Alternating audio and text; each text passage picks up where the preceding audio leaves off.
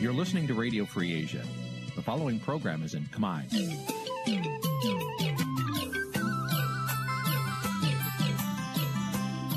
Nǐ chi càm bi tiệp xáy vệt chiu a zì sê ray នេះជាកម្មវិធីផ្សាយរបស់ Vithu Azisari ជាភាសាខ្មែរ វត្តឈូអាស៊ីសេរីសូមស្វាគមន៍លោកអ្នកនាងទាំងអស់ពីរដ្ឋធានី Washington នៃសហរដ្ឋអាមេរិក ផ្សាយផ្ទាល់ពីរដ្ឋធានី Washington នាងខ្ញុំខែសុណងសូមជម្រាបសួរលោកនាងកញ្ញាប្រិយមិត្តអ្នកស្ដាប់និងអ្នកទស្សនាការផ្សាយរបស់វិទ្យុអាស៊ីសេរីទាំងអស់ជាទីមេត្រីចា៎នាងខ្ញុំសូមជូនកម្មវិធីផ្សាយសម្រាប់យប់ថ្ងៃពុធពីកើតខែផុតត្របុត្រឆ្នាំឆ្លូវត្រីស័កពុទ្ធសករាជ2565ដែលត្រូវនឹងថ្ងៃទី8ខែកញ្ញាគ្រិស្តសករាជ2021ចា៎ជាដំបូងនេះសូមអញ្ជើញលោកនាងស្ដាប់ព័ត៌មានប្រចាំថ្ងៃដែលមានមេតិការដូចតទៅ thank you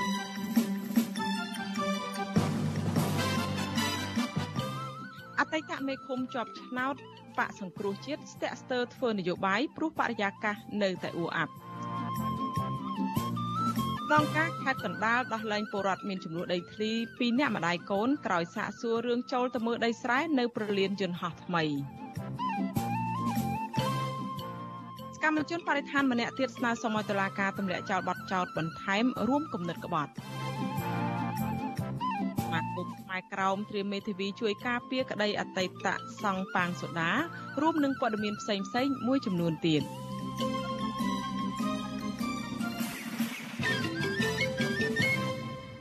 ចាជាបន្តទៅនេះនាងខ្ញុំខែសុណងសូមជូនព័ត៌មានទាំងនេះពិស្ដា ចាលោកនាងជាទីមេត្រីអ្នកមានជំងឺ Covid-19 ចំនួន6អ្នកបន្ថែមទៀតបានស្លាប់ដែលធ្វើឲ្យករណីស្លាប់ដោយសារជំងឺនេះបានកើនឡើងដល់1987អ្នកហើយនៅថ្ងៃទី8ខែកញ្ញាចំពោះករណីឆ្លងថ្មីវិញ មាន596អ្នកនៅថ្ងៃដដែលនេះក្នុងនោះ177អ្នកជាករណីនាំចូលពីក្រៅប្រទេស។ ជាមួយគ្នានេះនៅខេត្តបន្ទាយមានជ័យមានអ្នកកើតជំងឺ Covid-19 ខ្ពស់ដដែលដោយអាជ្ញាធរខេត្តនេះរកឃើញអ្នកឆ្លងជំងឺ Covid-19 ចំនួន149អ្នកនៅថ្ងៃទី8ខែកញ្ញាក្នុងនោះមួយចំនួនជាពលករខ្មែរដែលទៅត្រឡប់មកពីប្រទេសថៃគិតត្រឹមព្រឹកថ្ងៃទី8ខែកញ្ញាកម្ពុជាមានអ្នកកើតជំងឺ Covid-19 ជិត97000នាក់ក្នុងនោះអ្នកជាសះស្បើយមានជាង92000នាក់ ក្រសួងសុខាភិបាលប្រកាសថាគិតត្រឹមថ្ងៃទី7ខែកញ្ញារដ្ឋាភិបាលចាក់វ៉ាក់សាំងជូនពលរដ្ឋបានជាង9លាន6សែននាក់ក្នុងចំណោមអ្នកដែលត្រូវចាក់សរុប10លាននាក់ចំណែកកុមារនិងយុវជនដែលមានអាយុចន្លោះពី12ឆ្នាំដល់17ឆ្នាំវិញក្រសួងប្រកាសថាចាក់វ៉ាក់សាំងបានជិត86%ក្នុងចំណោមអ្នកដែលត្រូវចាក់សរុបជិត2លាននាក់អង្គការសុខភាពពិភពលោកកាលពីថ្ងៃទី6ខែកញ្ញាប្រមានថា ជោគជ័យនៃវ៉ាក់សាំងនៅក្នុងការការពារមិនឲ្យអ្នកកើតជំងឺ Covid-19 ឈឺធ្ងន់ធ្ងរអាចមានន័យថាការចម្លងនៅតែបន្តដោយស្ងៀមស្ងាត់អង្គការនេះសង្កត់ធ្ងន់ថាកត្តានេះទំនងអាចជាធ្វើឲ្យប្រជាពលរដ្ឋលែងសូវប្រុងប្រយ័ត្នការពារខ្លួន ហើយត្រឡប់ទៅប្រស្រ័យតាក់ទងគ្នាដោយធម្មតាកាលពីពេលមុននៃការរាតត្បាតជំងឺ Covid-19 ដែលធ្វើឲ្យមេរោគ Covid-19 បំផ្លែងថ្មីងាយឆ្លង និងអាចបង្កក្តីអន្តរាយបាន។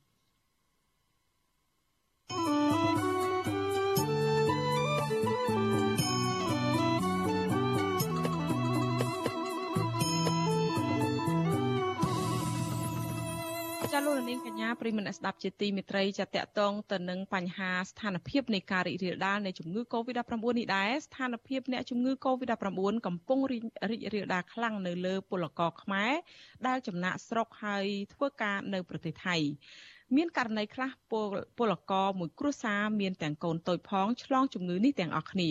ប៉ុន្តែមានពលករខ្មែរតិចតួចណាស់ដែលបានទទួលវ៉ាក់សាំងបង្ការជំងឺ Covid-19 ពីរដ្ឋាភិបាលថៃក្នុងពេលជាមួយគ្នានេះគ្មានសេចក្តីរាយការណ៍ណាមួយដែលថាអាញាធរកម្ពុជាកំពុងយកចិត្តទុកដាក់នៅក្នុងការផ្តល់វ៉ាក់សាំងជូនដល់ពួកគាត់នោះឡើយ តើក្នុងស្ថានភាពបែបនេះកម្ពុជាអាចទប់ទល់ទៅនឹងការរាតត្បាតជំងឺ Covid-19 នេះបានដោយមានប្រសិទ្ធភាពដោយរបៀបណានោះចាសសូមលោកនាងរងចាំស្ដាប់សេចក្តីរាយការណ៍ផ្ទាល់មួយរបស់អ្នករាយការណ៍ព័ត៌មានរបស់យើងជុំវិញបញ្ហានេះនិងការវិវត្តថ្មីនៃការរីករាលដាលនៃជំងឺ Covid-19 នៅពេលបន្តិចទៀតនេះចា៎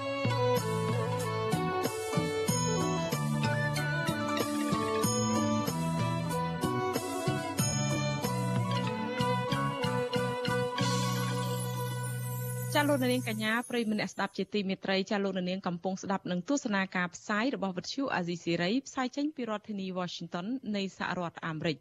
ងាកមកសេចក្តីរាយការណ៍តាក់ទងទៅនឹងវិវាទដីធ្លីវិញម្ដងស្នងការនគរបាលខេត្តកណ្ដាលសម្រេចដោះលែងពលរដ្ឋពីរនាក់ម្ដាយនិងកូនឲ្យមានសេរីភាពឡើងវិញក្រោយពីសាកសួរអស់ជាច្រើនម៉ោងដោយបង្គាប់ឲ្យពួកគាត់ផ្តិតមេដាយលើកិច្ចសន្យាឈប់ចូលទៅទីតាំងចំនួនដីធ្លីនៅឯប្រលានយន្តហោះថ្មីនោះ មន្ត្រីសង្គមស៊ីវិលចាត់ទុកទង្វើរបស់សមត្ថកិច្ចនេះថាជាការគំរាមកំហែងបំបាក់ស្មារតីរបស់ប្រជាពលរដ្ឋនិងរំលោភសិទ្ធិមនុស្សខណៈដែលអាជ្ញាធរមិនទាន់បានដោះស្រាយបញ្ហានេះនៅឡើយចាសសូមអញ្ជើញលោកនាងស្ដាប់សេចក្តីរាយការណ៍របស់លោកជាតិចំណានអំពីរឿងនេះការដោះលែងនេះធ្វើឡើងក្រោយពេលដែលសមត្ថកិច្ចខេត្តកណ្ដាលដែលប្រចាំការបិទផ្លូវចូលទីតាំងពលានយន្តហោះថ្មី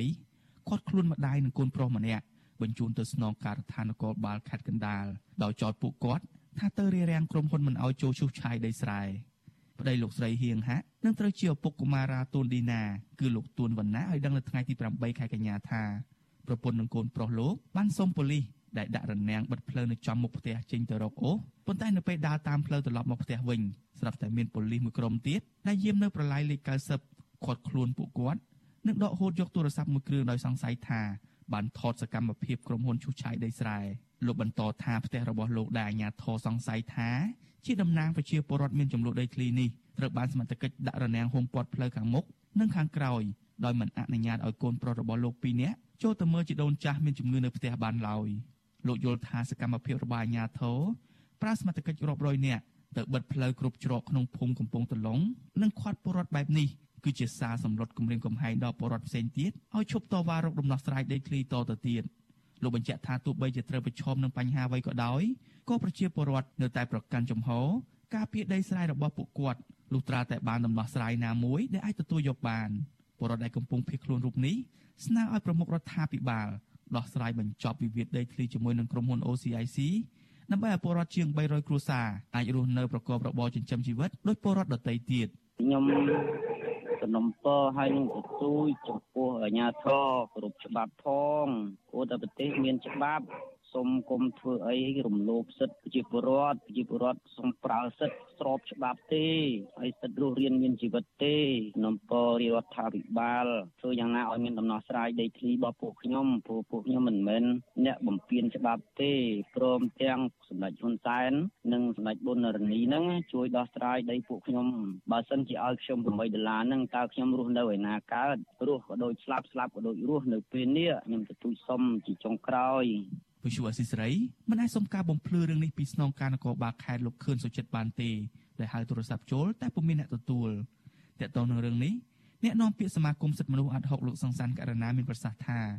ការដាក់កម្លាំងសវត្ថកិច្ចរាប់រយនាក់ទៅការពារផលប្រយោជន៍ឲ្យក្រុមហ៊ុនហើយបែរជាខាត់ខ្លួនពលរដ្ឋម្ចាស់ដីនាំទៅសាកសួរនេះគឺជាការរំលោភសិទ្ធិកាន់កាប់ដីធ្លីពលរដ្ឋស្របច្បាប់និងរំលោភសិទ្ធិមនុស្សធ្ងន់ធ្ងរដែលត្រូវបានការពារដោយច្បាប់រដ្ឋធម្មនុញ្ញលោកស្នើឲ្យអាជ្ញាធរដកកម្លាំងប៉ូលីស និងកងរាជអាវុធហត្ថចេញពីទីតាំងមានដំណោះនោះហើយបន្តដោះស្រាយវិវាទជូនពលរដ្ឋដោយសន្តិវិធីដំណាភាពនិងយុត្តិធម៌ ការធ្វើបែបនេះវាកាន់តែធ្វើឲ្យពលរដ្ឋលោកមានការខឹងសម្បាជាមួយនឹងសមាជិកឬក៏ក្រុមហ៊ុនទៅវិញហើយវាអាចនឹងបង្កឲ្យមានហិង្សាផ្សេងផ្សេងកើតឡើងអញ្ចឹងគួរតែរកវិធីដោះស្រាយជាមួយប្រជាពលរដ្ឋដោយសន្តិវិធីឲ្យដើម្បីបញ្ចប់រឿងហ្នឹងបើមិនអញ្ចឹងទេរឿងហ្នឹងខ្ញុំយល់ថាវាមិនអាចដោះស្រាយចប់បានទេនៅតែអូបន្លាយហើយក្រុមហ៊ុនក៏រាំងស្ទះទៅលើដំណើរការអភិវឌ្ឍរបស់ខ្លួនដែរมันអាចអភិវឌ្ឍទៅបានទេបើអត់មានការព្រមព្រៀងពីពលរដ្ឋរស់នៅតំបន់ហ្នឹងកាលពីពេលថ្មីថ្មីនេះអាជ្ញាធរខេត្តកណ្ដាលបានបញ្ចេញកម្លាំងសមត្ថកិច្ចចម្រុះជាង600នាក់ទៅបិទផ្លូវជំវិញការដ្ឋានសាងសង់ពលានយន្តហោះថ្មីនៃក្រុមហ៊ុនសាជីវកម្មវិនិយោគក្រៅប្រទេសហៅកាត់ថា OCIC របស់លោកពងខៀវសែដើម្បីរារាំងពលរដ្ឋជាង300គ្រួសារកុំឲ្យចូលទៅរារាំងសកម្មភាពក្រុមហ៊ុនដែលឈូសឆាយដីស្រែរបស់ពួកគាត់មុនពេលប្រើកម្លាំងសមត្ថកិច្ចនេះសាលាខេត្តកណ្ដាលបានចេញលិខិតជូនដំណឹងមួយ អំពីការកាយផ្ដាច់ផ្លូវអមប្រឡាយលេខ90ដើម្បីរំដោះទឹកភ្លៀងចេញពីការដ្ឋានឲ្យបានឆាប់ព្រោះធ្វើឲ្យប៉ះពាល់គម្រោងសាងសង់ផ្លូវយន្តហោះទី1ជាគម្រោងអតិភិបអាជ្ញាធរប្រមានថាបើមានជនណារារាំងដល់ការអនុវត្តនេះរដ្ឋបាលខេត្តនឹងចាត់វិធានការតាមផ្លូវច្បាប់ក្រុមហ៊ុនសាជីវកម្មនយោបាយក្រៅប្រទេសហៅកាត់ថា OCIC របស់លោកពងខៀវសែដែលជាអ្នកជំនួញស្និទ្ធនឹងលោកនាយរដ្ឋមន្ត្រីហ៊ុនសែន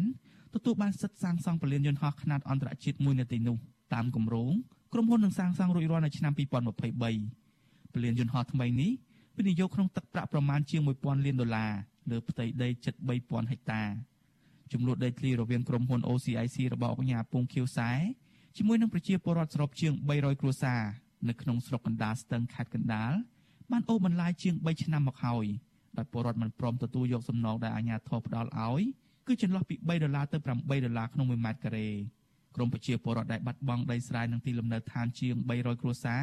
ប្រកាន់ជំហររួមគ្នានៅតែបន្តការតវ៉ាពីអាជ្ញាធរនិងរដ្ឋាភិបាលលុះត្រាតែទទួលបានដំណោះស្រាយសមរម្យខ្ញុំបាទចិត្តចំណាន Visu Assisray ពីរដ្ឋធានី Washington ចាលោកនាងកញ្ញាប្រិយមិត្តអ្នកស្ដាប់ជាទីមេត្រីតកតងទៅនឹងសេចក្តីរាយការណ៍នៃ បញ្ហាចំនួនដីធ្លីដែរនៅខេត្តកំពង់ឆ្នាំងនោះវិញពលរដ្ឋពីគ្រួសារក្នុងចំណោម5គ្រួសារចោតប្រកាន់អាជ្ញាធរឃុំកោះថ្កូវនៅឯស្រុកជលគិរីខេត្តកំពង់ឆ្នាំងបានខុបខិតគ្នាយកដីធ្លីរបស់ពួកគាត់ដែលអាស្រ័យផលជិត10ឆ្នាំមកហើយនោះទៅបែងចែកទៅឲ្យប្រជាពលរដ្ឋជាង11គ្រួសារទៀតដោយគ្មានផ្ដាល់សំណងមន្ត្រីសង្គមស៊ីវិលស្នើទៅអាជ្ញាធរដោះស្រាយវិវាទដីធ្លីនេះដោយដំណាភាពនិងយុត្តិធម៌ចាសសូមអញ្ជើញលោកនាងស្ដាប់សេចក្តីរាយការណ៍របស់លោកជីវិតា វិវាទដីធ្លីនៅតែជាបញ្ហាចោទនិងរ៉ាំរ៉ៃនៅក្នុងប្រទេសកម្ពុជាមិនថាជាចំនួនរវាងប្រជាពលរដ្ឋជាមួយក្រុមហ៊ុនឯកជនឬជាមួយអាជ្ញាធរនោះឡើយស្របពេលដែលកម្ពុជាដឹកនាំដោយរបបឯកបកពលរដ្ឋមានចំនួនដីធ្លីម្នាក់នៅខេត្តកំពង់ឆ្នាំងលោកប្រាក់សុភុំឲ្យដឹងថាលោកនិងពលរដ្ឋ4គ្រួសារទៀតបានមកតាំងទីលំនៅ នៅតំបន់ទួលវែងចម្ងាយ3គីឡូម៉ែត្រពីភូមិតាមុលលើ និងប្រកបរបរធ្វើស្រែចម្ការលើផ្ទៃដីជិត2ហិកតា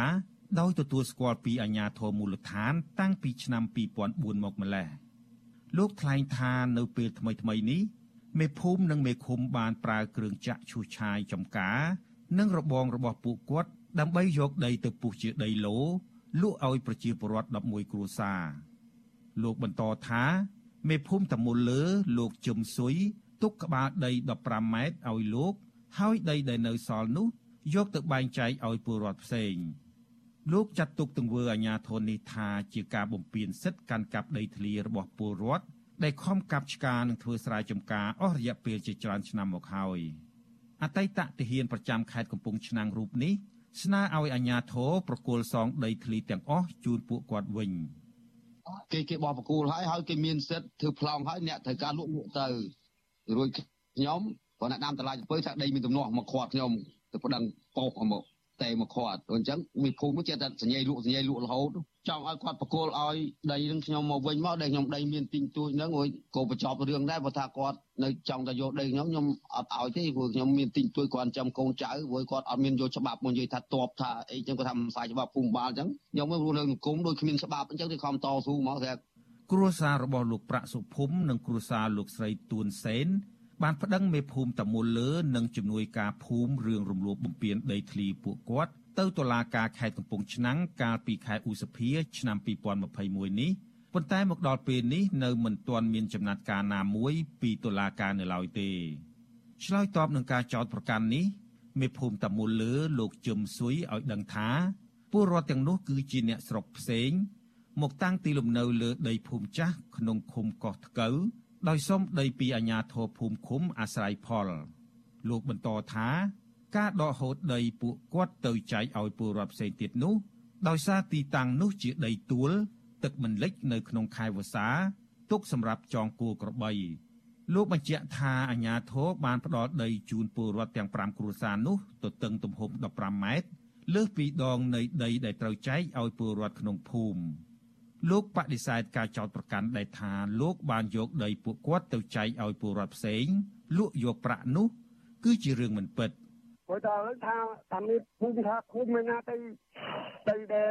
ដកដូចដីវាចែកជូនប្រជាជនមានណាព្រោះដីនឹងប្រជុំឯកភាពគ្នាចឹងតាវាព្រមព្រៀងអីទាំងអស់គ្នានឹងត្រូវទទួល15ម៉ែត្រហ្នឹងបាទគេអ្នកស្រុកហ្នឹងគេទទួលតែ7ម៉ែត្រទេគឺគេព្រមដែរគាត់ដាក់ដីនឹងគាត់ដាក់គូដាក់ដីថៃភាសាហ្នឹងព្រោះវាចេះតែប្រកាន់ភូមិឃុំនឹងទៅដីវាយកបច្ចេកប្រជាជនតាមទៅគេប្រជុំតម្រាញវាព្រមព្រៀងគ្នានឹងវាតា អាស៊ីសេរីមិនអាចសូមការបញ្ជាក់រឿងនេះពីមេឃុំកោះថ្កូវលោកចិនឋានាបានទេនៅថ្ងៃទី8កញ្ញាដោយទូរស័ព្ទចូលតែពុំមានអ្នកទទួលតាក់ទងនឹងរឿងនេះអ្នកសម្របសម្រួលគម្រោងធុរកិច្ចនិងសិទ្ធិមនុស្សនៃមជ្ឈមណ្ឌលសិទ្ធិមនុស្សកម្ពុជា លោកវ៉ាន់សុផាត មានប្រសាសន៍ថាបញ្ហាដីធ្លី គឺជារឿងរ៉ាំរ៉ៃនៅក្នុងសង្គមខ្មែរដោយសារតម្លៃដីធ្លីបច្ចុប្បន្នកើនឡើងធ្វើឲ្យក្រុមហ៊ុនឯកជននិងអាជ្ញាធរមូលដ្ឋាន ចង់បានប្រយោជន៍ពីរឿងនេះលោកយល់ថាករណីអាជ្ញាធរដកហូតដីរដ្ឋដែលពលរដ្ឋមួយក្រុមរស់នៅយូរឆ្នាំយកទៅចែកឲ្យពលរដ្ឋមួយទៀតនោះ គួរតែធ្វើឲ្យមានភាពច្បាស់លាស់ដោយត្រូវចេញប្លង់កម្មសិទ្ធិកាន់កាប់ដីធ្លីស្របច្បាប់ជូនពលរដ្ឋជៀសវាងនាំឲ្យមានទំនាស់ជាថ្មីទៀតទៅថ្ងៃមុខ បើសិនជាដីនឹងជាដីសាធារណៈរបស់រដ្ឋអាហ្នឹងវាពិបាកវាតលតែធ្វើអនុប្រយោគសិនបានអាចស្នើសុំធ្វើអនុប្រយោគសិនបានអាចកាត់ទៅជាដីឯកជនរបស់រដ្ឋហើយបានធ្វើសម្បទានឲ្យពួកគាត់បានអញ្ចឹងណាអូន វាស្មុគស្មាញពីប្រព័ន្ធកម្មវិធីដីធ្លីនៅស្រុកយើងអញ្ចឹងបើអាជ្ញាធរមានភាពច្បាស់លាស់បន្តិចថាឲ្យគាត់នៅនឹងឲ្យគាត់នៅបណ្ដោះអាសន្នឬមួយក៏ឲ្យគាត់នៅជាលក្ខណៈកាន់កាប់ជាលក្ខណៈអចិន្ត្រៃយ៍ណាបើសិនជាអចិន្ត្រៃយ៍ត្រូវតែធ្វើអនុប្រយោគបើសិនជាដីសាធារណៈរដ្ឋសាធារណៈរដ្ឋហ្នឹងហើយត្រូវតែចុះបញ្ជីត្រឹមត្រូវឲ្យផ្ដល់បានកម្មសិទ្ធិដល់គាត់ពួកគាត់ហ្នឹងណាអាហ្នឹងបានធានាសុខភាពការកាប់ដីធ្លីបានណាអង្គការសង្គមស៊ីវិលផ្នែកសិទ្ធិមនុស្សនិងដីធ្លី ស្នើដល់អាជ្ញាធរពាក់ព័ន្ធឲ្យដោះស្រាយវិវាទដីធ្លីជូនពលរដ្ឋដោយតម្លាភាពនិងយុត្តិធម៌ដែលអាចទទួលយកបានពីគ្រប់ភាគីខ្ញុំជីវិតាអាស៊ីសេរីចាលោករនាងកញ្ញាប្រិមមអ្នកស្ដាប់ជាទីមេត្រីចាលោករនាងកំពុងស្ដាប់នឹងទស្សនាការផ្សាយរបស់វិទ្យុអាស៊ីសេរី ចពលរដ្ឋចំណាក់ស្រុករាប់ពាន់គ្រួសារបានសម្រុកទៅជួលដីយ៉ាងសន្ធឹកសន្ធាប់ពីអាជ្ញាធរនៃខេត្តព្រះវិហារដែលក្រុមហ៊ុនស្កអំពើចិនហេងហ្វូផ្អាកដំណើរការសង្វាក់ផលិតកម្មតាំងពីឆ្នាំ2019ពលរដ្ឋទាំងនោះបានជួលដីពីអាជ្ញាធរខេត្តព្រះវិហារក្នុង1ហិកតាតម្លៃចន្លោះពី100ដុល្លារ ទៅ150ដុល្លារតាមទីតាំងដីជាក់ស្ដែងចំណែកជនជាដើមភៀតតៃគួយដែលមានចំនួនដីធ្លីជាមួយក្រុមហ៊ុនចិនចាត់ទុកបញ្ហានេះថាជាការខົບខិតជាប្រព័ន្ធរវាងក្រុមហ៊ុនចិននិងអាជ្ញាធរនៃខេត្តព្រះវិហារចាលោកនាងនឹងបានស្ដាប់សេចក្តីរាយការណ៍នេះពិស្ដានៅពេលបន្តិចទៀតនេះ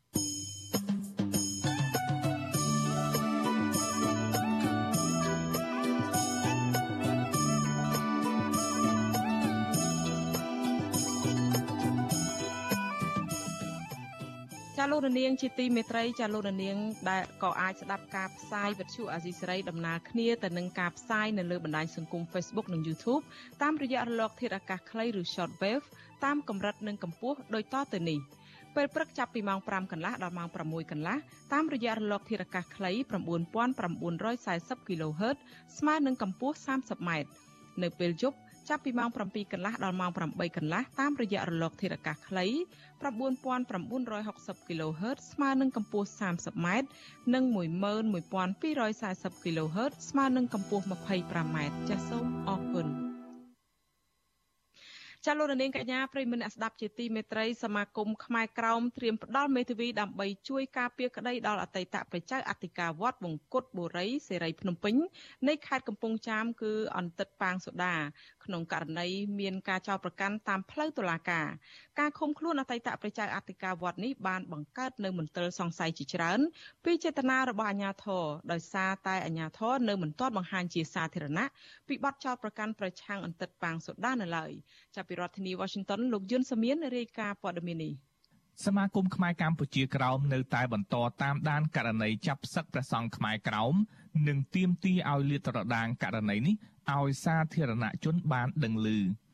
ការទៀមទាននេះដោយសារតែអាជ្ញាធរមិនទាន់បានបង្ហាញព័ត៌មាន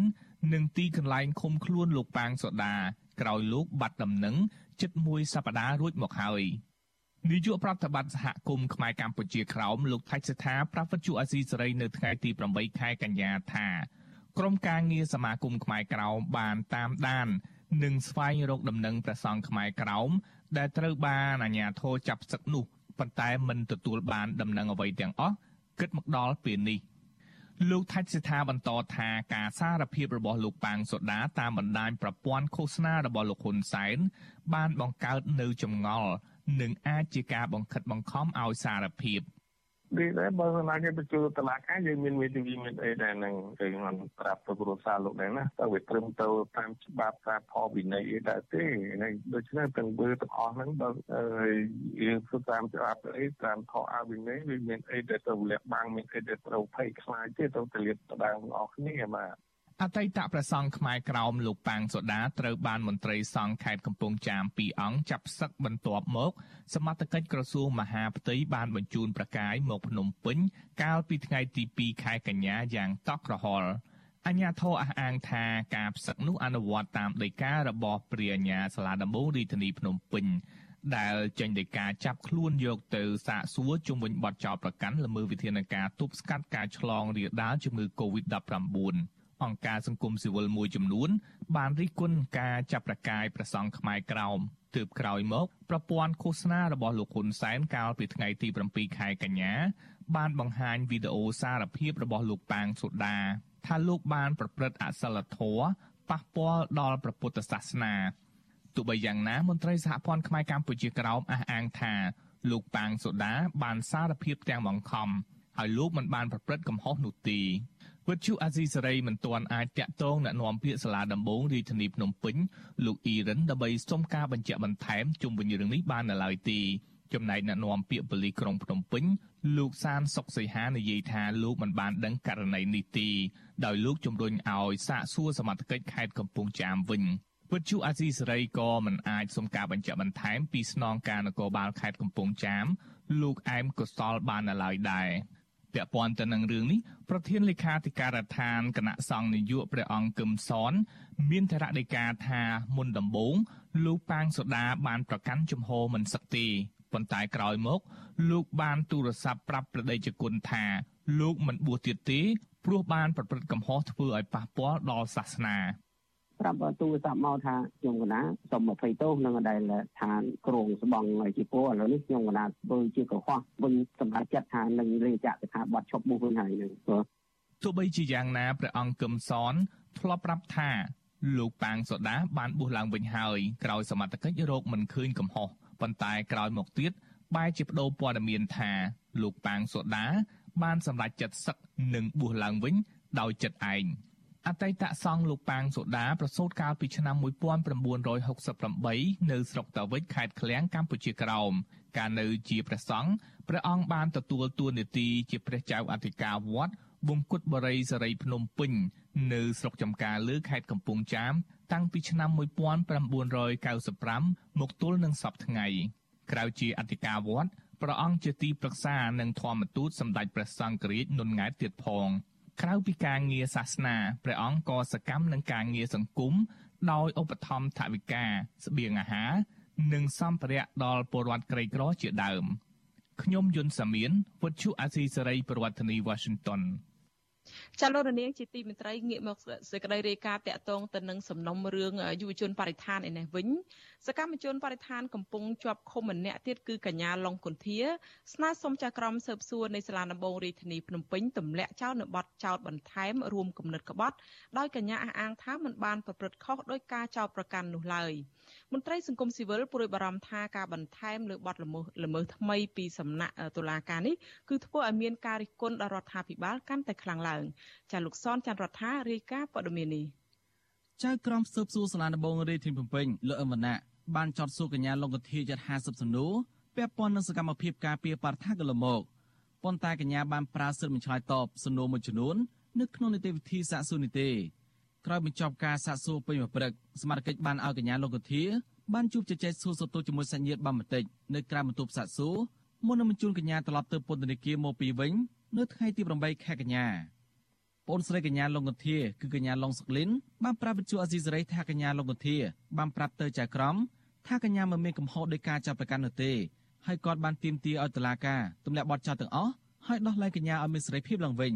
គេចង់ធ្វើបាបគូបន្ថែមទៀតពួកអីគេសម្រាប់សាក្រមសាមុននឹងដាក់គាត់18ខែហើយឥឡូវហ្នឹងគាត់ចិត្តគ្រប់អញ្ចឹងណាគេប្រកាសជាចង់បន្ថែមគាត់គេអញ្ចឹងឲ្យគាត់អញ្ចឹងគេចិត្តទៅរកបាត់ល្មើសយកមកចោទគាត់បន្ថែមទៀតវាជារឿងមួយដែលធ្វើបាបគាត់ហើយជារឿងដែលគាត់ កាលពីថ្ងៃទី6នៅថ្ងៃទី7ខែកញ្ញាចៅក្រមស៊ើបសួរនៃសាលាដំបងរាជធានីភ្នំពេញលោកអឹមវណ្ណៈបានកោះសួរសកម្មជនបាថា2នាក់គឺលោកថនដ្ឋាននិងកញ្ញាភួនការស្មី នៅក្នុងបទចោទបន្ថែមរូបគណិតក្បត់ដូចគ្នាក្រោយសាកសួរនៅទាំង3រួចលោកអឹមវណ្ណៈមិនទាន់សម្រេចចាប់ប្រកាន់ឬក៏ទម្លាក់បទចោទបន្ថែមនេះនៅឡើយទេវិទ្យុអេស៊ីសរ៉ៃមិនទាន់អាចសុំការបញ្ជាក់បន្ថែមពីលោកអឹមវណ្ណៈនិងមេធាវីការពីក្តីគឺលោកសំសកុងបានទេ នៅថ្ងៃទី8ខែកញ្ញា ប៉ុន្តែលោកមេធាវីធ្លាប់ប្រាប់វិទ្យុអេស៊ីសរ៉ៃកាលពីថ្ងៃទី6ខែកញ្ញាថាសំណួរភេកចរារបស់ចៅក្រមគឺសួរចន់គ្នានៅបនញញងដែលតុលាការបានកាត់ក្តីរួចទៅហើយកាលពីខែឧសភាលោកមេធាវីបញ្យល់ថាការធ្វើបែបនេះគឺរំលោភលើគោលការណ៍អាញាអស់ជំនុំបើទោះបីជាណាអង្គការសង្គមស៊ីវិលនិងក្រុមអ្នកការពារធនធានធម្មជាតិតែងតែចំទាស់នឹងការចាប់ឃុំខ្លួននិងការចាប់ប្រកាន់ទាំងឡាយលើសកម្មជនបដិឋានមន្ត្រីសម្របសម្រួលគម្រោងនៃសមាគមបណ្ដាញយុវជនកម្ពុជាលោកម៉ៅចន្ទរា សង្កេតឃើញថាការបន្ថែមឬការចាប់ប្រកាន់បោរូបនិកបនលើអ្នកការពារបរិស្ថានគឺជាអំពើធ្ងន់ធ្ងរហើយបណ្ដាលឲ្យខូចអនាគតយុវជនលោកមិនគាំទ្រចំពោះការចាប់ប្រកាន់នេះទេហើយលោករសារចំហដោយក្រុមអង្គការសង្គមស៊ីវិលផ្សេងទៀតគឺទាមទាររដ្ឋាភិបាលនិងតុលាការទម្លាក់បទចោលហើយដោះលែងសកម្មជនបរិស្ថានទាំងអស់ឲ្យមានសេរីភាពឡើងវិញតំណាងយុវជនរំនេះបារម្ភថាបើសមាជិកប្រើប្រាស់វិធានការច្បាប់ឬក៏បទចោទធ្ងន់ធ្ងរពេកបណ្ដាលមានផលអវិជ្ជមានចំពោះសង្គម ដោយសារយុវជនចំនួនក្រោយនាំគ្នាឈប់អើពើបញ្ហាសង្គមហើយលែងហ៊ានធ្វើសកម្មភាពការពារបរិស្ថាននិងធនធានធម្មជាតិតទៅទៀតបទចោទរួមកំណត់ក្បត់ជាតិខ្ញុំអាចនិយាយស្មានថានឹងធ្វើឲ្យអនាគតរបស់ពួកគាត់មិនអាចបន្តសកម្មភាពរបស់គាត់បន្តទៅមុខបានទៀតទេព្រោះបើសិនបើគាត់ត្រូវបានគេចោទពីបទរួមកំណត់ក្បត់ជាតិមិនយ៉ាងតិចណាស់ក៏គាត់ត្រូវឲ្យជាប់ពន្ធនាគាររយៈពេល5ឆ្នាំដែរអញ្ចឹងរយៈពេល5ឆ្នាំរបស់គាត់ដែលគាត់នៅក្នុងពន្ធនាគារហ្នឹងតើឯណាទៅយល់របស់គាត់កាលពីខែសភាចៅក្រមស្លាដបងរាជធានីភ្នំពេញលោកលីសុខា បានប្រកាសសារក្រមផ្ដន់ទោសកម្មជនបរិស្ថាន3នាក់ឲ្យជាប់ពន្ធនាគារ18ខែទៅ20ខែនិងពិន័យជាប្រាក់2លានរៀលទៅ4លានរៀលនៅក្នុងបទញុយញងឲ្យប្រព្រឹត្តបទក្រឹតជាអាតក្រោយមកនៅខែកក្កដាតំណាងអัยការសាលាដំបងបានបន្ថែមបទចោទសកម្មជន13នាក់មួយបលល្មើសបន្ថែមទៀតគឺបរិរុកនឹងក្បត់ដែលសំណុំរឿងនេះមានជាប់ពាក់ព័ន្ធនឹងសកម្មជនបដិឋាន4នាក់ផ្សេងទៀតគឺលោកយឹមលៀងហ៊ីកញ្ញាសុរដ្ឋាយុវជនលីចន្ទរាវុននិងស្ថាបនិកចលនាមេដាធម្មជាតិជនជាតិអេស្ប៉ាញ លោក Alejandro Gonzalez Davidson ជាមួយគ្នានេះក្រុមអង្គការសង្គមស៊ីវិលក៏កំពុងធ្វើយុទ្ធនាការតាមបណ្ដាញសង្គម Facebook ទាមទារដល់លែងសកម្មជនបដិឋានដែលកំពុងចាប់ឃុំទាំង6នាក់យុទ្ធនាការក្នុងសប្តាហ៍ទី5នេះក្រុមអង្គការសង្គមស៊ីវិលបានប្រៀបធៀបសកម្មជនបដិឋាននៅទូទាំងពិភពលោកបានទទួលពានរង្វាន់ការគ្រប់គ្រងនិងលើកទឹកចិត្តពីអាជ្ញាធររដ្ឋចំណែកឯនៅកម្ពុជាវិញសកម្មជនការពារធនធានធម្មជាតិត្រូវរងការគំរាមកំហែងបំផិតបំភ័យនិងចាប់ដាក់ពន្ធនាគារ ខ្ញុំសនចន្ទរដ្ឋាវិទ្យុអេស៊ីសរ៉ៃរីកាពីរដ្ឋធានីវ៉ាស៊ីនតោនចលនានាងជាទីមេត្រីតំណាងជាប់ឆ្នោតរបស់គណៈបកសង្គ្រោះជាតិនៅថ្នាក់មូលដ្ឋានឲ្យដឹងថាពួកគាត់នៅតែសង្ឃឹមថាវិបត្តិនយោបាយរ៉ាំរ៉ៃនៅកម្ពុជាអាចនឹងត្រូវបានដោះស្រាយនៅមុនការបោះឆ្នោតក្រុមប្រឹក្សាឃុំសង្កាត់នៅឆ្នាំ2022ខាងមុខនេះ ដោយសារតែមានជំនឿបែបនេះហើយទើបពួកគាត់រក្សានៅភាពស្ងៀមស្ងាត់និងមិនចូលរួមសកម្មភាពនយោបាយជាមួយគណៈបកដទៃទៀតនោះទេតំណាងបកកណ្ដាលអំណាចឆ្លើយតបវិញថាគណៈបកសង្គ្រោះជាតិនឹងមិនអាចរស់ឡើងវិញទេ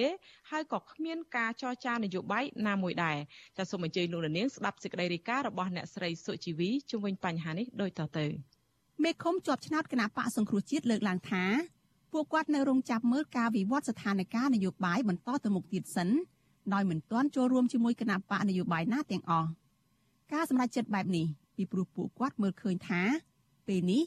មិនមានកម្លាំងនយោបាយណាអាចប្រកួតប្រជែងជាមួយគណៈបកកណ្ដាលអំណាចបានឡើយដូច្នេះការចូលរួមធ្វើនយោបាយនៅក្នុងស្ថានភាពបែបនេះក៏មិនមានន័យអ្វីនោះដែរមេឃុំជាប់ឆ្នោតនៃគណៈបកសង្គ្រោះជាតិនៅឃុំឈើខ្មៅស្រុកកោះធំខេត្តកណ្ដាល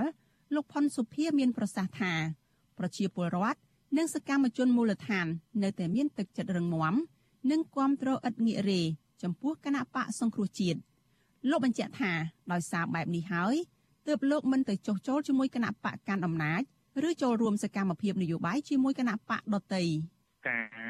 ឡើងកម្មអំណាចជាក្រុមប្រឹក្សាឃុំឬមេឃុំដែលអត់មានការបោះឆ្នោតមួយត្រឹមត្រូវគឺមិនអាចបម្រើភាពប្រត់បានល្អឯងយើងសោកស្ដាយប៉ុន្តែបើយើងចូលរួមហើយអត់ប្រយោជន៍ដដែលយើងចូលរួមគ្រាន់តែជាការកំដរប្រជាធិបតេយ្យខ្លាំងខ្លាយដដែលយើងអត់ចូលរួមទេយើងសុខចិត្តនៅស្ងៀមឬក៏នៅចាំមើលស្ថានភាពប្រែប្រួលអីហើយយើងនឹងសម្រាប់នៅពេលក្រោយទៀតស្រដៀងគ្នានេះមេឃុំជាប់ឆ្នោតនៅឃុំស្ពឺស្រុកចំការលើខេត្តកំពង់ចាមលោកសយសិដ្ឋាឲ្យដឹងថាលោកនិងពលរដ្ឋដទៃទៀត នៅតែទាមទារឲ្យគណៈបកសង្គ្រោះជាតិរស់ឡើងវិញពីព្រោះគណៈបកនេះគឺជាតំណាងឆន្ទៈពលរដ្ឋកន្លះប្រទេសលោកបញ្ជាក់ថាលោកនឹងចូលរួមបោះឆ្នោតព្រមទាំងធ្វើសកម្មភាពនយោបាយនៅក្នុងការបោះឆ្នោតនាពេលខាងមុខលុះត្រាតែកម្ពុជាមានគណៈបកប្រឆាំងរឹងមាំឬមានឋានៈដឹកនាំដែលមានឆន្ទៈពិតប្រាកដនៅក្នុងការបម្រើជាតិ ខ្ញុំមានជំនឿជឿជាក់ថារសជាតិនឹងវិលមក100%នៅក្នុងឆ្នាំ2022នេះគឺមិនអាចខ្វះបានទេព្រោះវាយោងលើកត្តាអន្តរជាតិហើយនិងសហគមន៍អឺរ៉ុបនេះគឺគេផ្ដោតជាដាច់ខាតហើយប្រទេសកម្ពុជាវាមិនមែនជាប្រទេសដែលមានគេហៅថាសម្ព័ន្ធមិត្តអន្តរជាតិនោះយើងបានចុះកតិកាសញ្ញាហត្ថលេខាជាមួយនឹងអន្តរជាតិពិសេសគឺកិច្ចព្រមព្រៀង23ដុល្លារ91នេះវាជាគោលវិធីយន្តមួយសម្រាប់ឲ្យអ្នកជាតបតៃហ្នឹងត្រូវតែសំអាងលើនឹងការបញ្ជាក់ពីជំហររបស់មេឃុំជាប់ឆ្នោតគណៈបកប្រឆាំងទាំងនេះ ធ្វើឡើងស្របពេលដែលបរិយាកាសនយោបាយនៅតែអាប់អួរហើយការបោះឆ្នោតក្រុមប្រឹក្សាឃុំសង្កាត់អាណត្តិទី5នៅសល់តែជាង8ខែទៀតប៉ុណ្ណោះបើគ្មានអ្វីប្រែប្រួលទេ ការបោះឆ្នោតនេះនឹងប្រព្រឹត្តទៅ នៅថ្ងៃទី5ខែមិថុនាឆ្នាំ2022តាមកាលកំណត់របស់របបលោកហ៊ុនសែនក្នុងស្ថានភាពបែបនេះអតីតមន្ត្រីជាន់ខ្ពស់មួយចំនួននៃគណៈបកសង្គ្រោះជាតិបាននាំគ្នាទៅបង្កើតគណៈបកថ្មីជាបន្តបន្ទាប់ រហូតដល់ចំនួន6គណៈបកនយោបាយហើយឆ្លើយតបនឹងការលើកឡើងរបស់មន្ត្រីមូលដ្ឋាននៃគណៈបកសង្គ្រោះជាតិនោះអ្នកនាំពាក្យគណៈបកប្រជាជនកម្ពុជាលោកសុកអេសានអះអាងជាថ្មីទៀតថាគណៈបកសង្គ្រោះជាតិនឹងមិនអាចរស់ឡើងវិញបានឡើយហើយការចរចានយោបាយក៏មិនអាចទៅរួចដែរលោកជំរុញឲ្យមន្ត្រីមូលដ្ឋានរបស់គណៈបកប្រឆាំងចូលរួមជីវភាពនយោបាយជាមួយគណៈបកផ្សេងក្នុងនោះក៏រួមទាំងគណៈបកប្រជាជនកម្ពុជាដែរ ដើម្បីឲ្យមានឱកាសឈរឈ្មោះសម្រាប់ការបោះឆ្នោតឃុំសង្កាត់នាពេលខាងមុខសូមប្រកាសប្រាប់គាត់ឲ្យហើយទៅថាគុំសង្ឃឹមគឺថាបងនិយាយលេងអុកអត្តឡាដើរអត់រួចផងងាកទៅកណាក៏អត់រួចដែរមានតែផ្លូវមួយដូចខ្ញុំថានេះគាត់លះបង់អតីតបកប្រឆាំងចោលហើយគាត់ទៅសុំចូលរួមជាសមាជិករបស់គណៈបកណាមួយដែលស្របច្បាប់នៅកម្ពុជាគណៈបកសង្គ្រោះជាតិទទួលបានអាសនៈចំនួន5007 ឬស្មើនឹងជិត44%នៃអាសនៈសរុបជាង11000អាសនៈនៅក្នុងការបោះឆ្នោតក្រុមប្រឹក្សាឃុំសង្កាត់អាណត្តិទី4កាលពីឆ្នាំ2017ប៉ុន្តែមេឃុំនិងក្រុមប្រឹក្សាជាប់ឆ្នោតរបស់គណៈបកនេះបម្រើប្រជាពលរដ្ឋដែលជាម្ចាស់ឆ្នោត បានប្រមាណតែ4ខែក៏ត្រូវបាត់បង់តំណែងទៅវិញនេះក៏ដោយសារតែរបបលោកហ៊ុនសែនបានរំលាយគណៈបកសង្គ្រោះជាតិហើយយកអាសនៈទាំងឡាយរបស់គណៈបកប្រឆាំងនេះទៅចែកគ្នាកាន់កាប់ នេះក៏ដោយសារតែរបបលោកហ៊ុនសែនបានរំលាយគណៈបកសង្គ្រោះជាតិហើយយកអាសនៈទាំងឡាយរបស់គណៈបកប្រឆាំងនេះទៅចែកគ្នាកាន់កាប់តកតនៅស្ថានភាពពេលនេះវិញអង្គការសង្គមស៊ីវិលមើលឃើញថាបរិយាកាសនយោបាយនៅតែមានលក្ខណៈរដ្ឋបិទនៅឡើយស្របពេលដែលសិទ្ធិសេរីភាពរបស់ពលរដ្ឋនៅតែរងការបង្ក្រាបឥតស្រាកស្រាន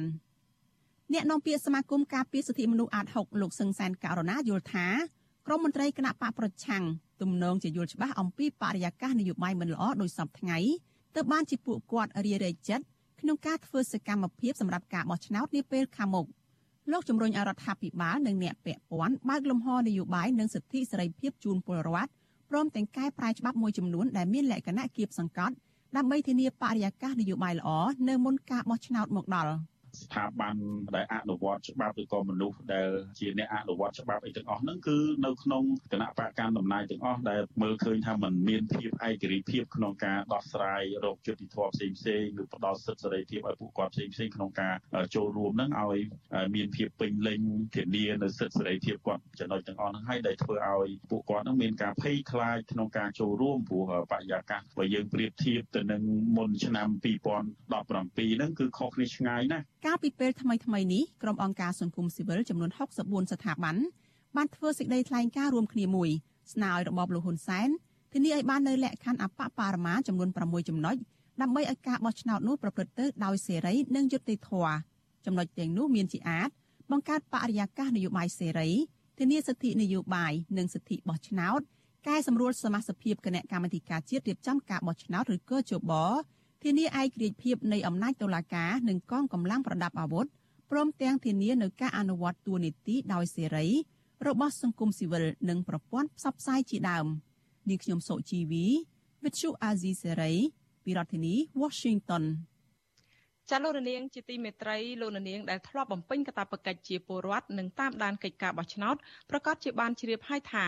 ការបោះឆ្នោតជ្រើសរើសសមាជិកក្រុមប្រឹក្សាឃុំសង្កាត់អាណត្តិថ្មីគឺអាណត្តិទី5សម្រាប់ឆ្នាំ2022ដល់ឆ្នាំ2027កាន់តែខិតជិតចូលមកដល់ហើយស្របពេលគណៈបកនយោបាយមួយចំនួនកំពុងតែរៀបចំសមាជិកភាពដើម្បីត្រៀមចូលរួមការបោះឆ្នោតនេះ។ អ្នកវិភាគថាដរាបណារបបលោកហ៊ុនសែនមិនស្ដារលទ្ធិប្រជាធិបតេយ្យឲ្យល្អប្រសើរនិងធ្វើកំណែទម្រង់កោចបឲ្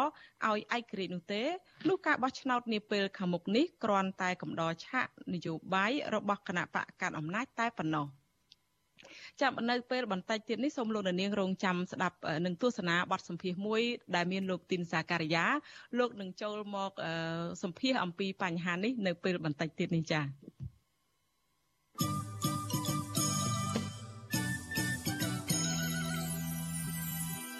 ចាលោកនាងកញ្ញាប្រិយមិត្តអ្នកស្ដាប់ជាទីមេត្រីឥឡូវនេះសូមងាកមកសេចក្តីរាយការណ៍តាក់ទងទៅនឹងស្ថានភាពនៃការរីករាលដាលនៃជំងឺ Covid-19 វិញម្ដងស្ថានភាពជំងឺ Covid-19 កំពុងឆ្លងរាលដាលខ្លាំងនៅលើពលករចំណាក់ស្រុកខ្មែរដែលកំពុងធ្វើការនៅប្រទេសថៃមានករណីខ្លះពលករមួយចំនួនមានទាំងកូនតូចផងឆ្លងជំងឺនេះទាំងអស់គ្នាប៉ុន្តែមានពលករខ្មែរខ្លះតិចតួចដែលបានទទួល វ៉ាក់សាំងបង្ការជំងឺ Covid-19 ពីរដ្ឋាភិបាលថៃចានៅក្នុងពេលជាមួយគ្នានេះគ្មានសេចក្តីរាយការណ៍ណាមួយដែលថាអាញាធរកម្ពុជាកំពុងយកចិត្តទុកដាក់នៅក្នុងការផ្ដល់វ៉ាក់សាំងជូនដល់ពួកគាត់នៅឯប្រទេសថៃនោះឡើយចាឥឡូវនេះយើងមានអ្នករាយការណ៍ព័ត៌មានរបស់យើងគឺលោកមួងណារ៉េតដែលលោកនឹងចូលខ្លួនមកបកស្រាយជុំវិញបញ្ហានេះចាជំរាបសួរលោកមួងណារ៉េតចា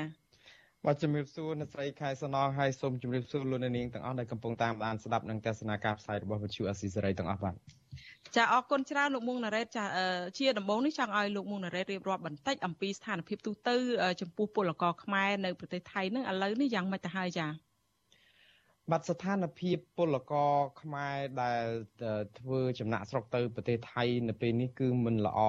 តតែសោះគឺដោយសារតែការឆ្លងរីករាលដាលនៃជំងឺ Covid-19 ទៅលើពួកគាត់ហ្នឹងគឺខ្លាំងសម្បើមដោយអ្នកស្រីខែសំណងរៀបរាប់រួចទៅហើយថា នៅក្នុងគ្រួសារពលករខ្មែរនៅថៃហ្នឹងគឺមានមួយគ្រួសារខ្លះហ្នឹងគឺទាំងឪទាំងម៉ែទាំងកូនតូច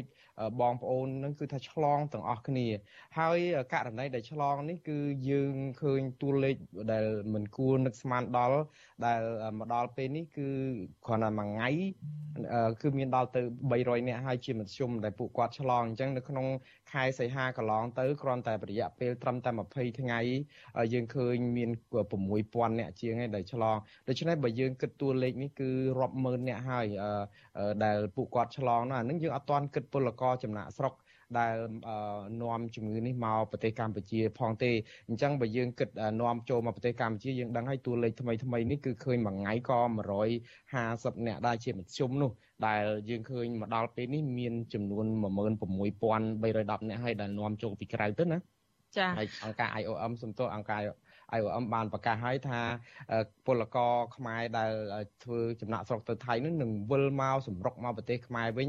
នៅ6ខែខាងមុខតិចនេះទៀតនេះគឺមិនតិចជាង1សែនអ្នកទៀតទេដូច្នេះនេះគឺជាក្តីកង្វល់មួយបន្ថែមទៀតដែរចាលោកណារ៉េតមូលហេតុអីទៅបានជាពួកគាត់នឹងឆ្លងច្រើនយ៉ាងនេះចា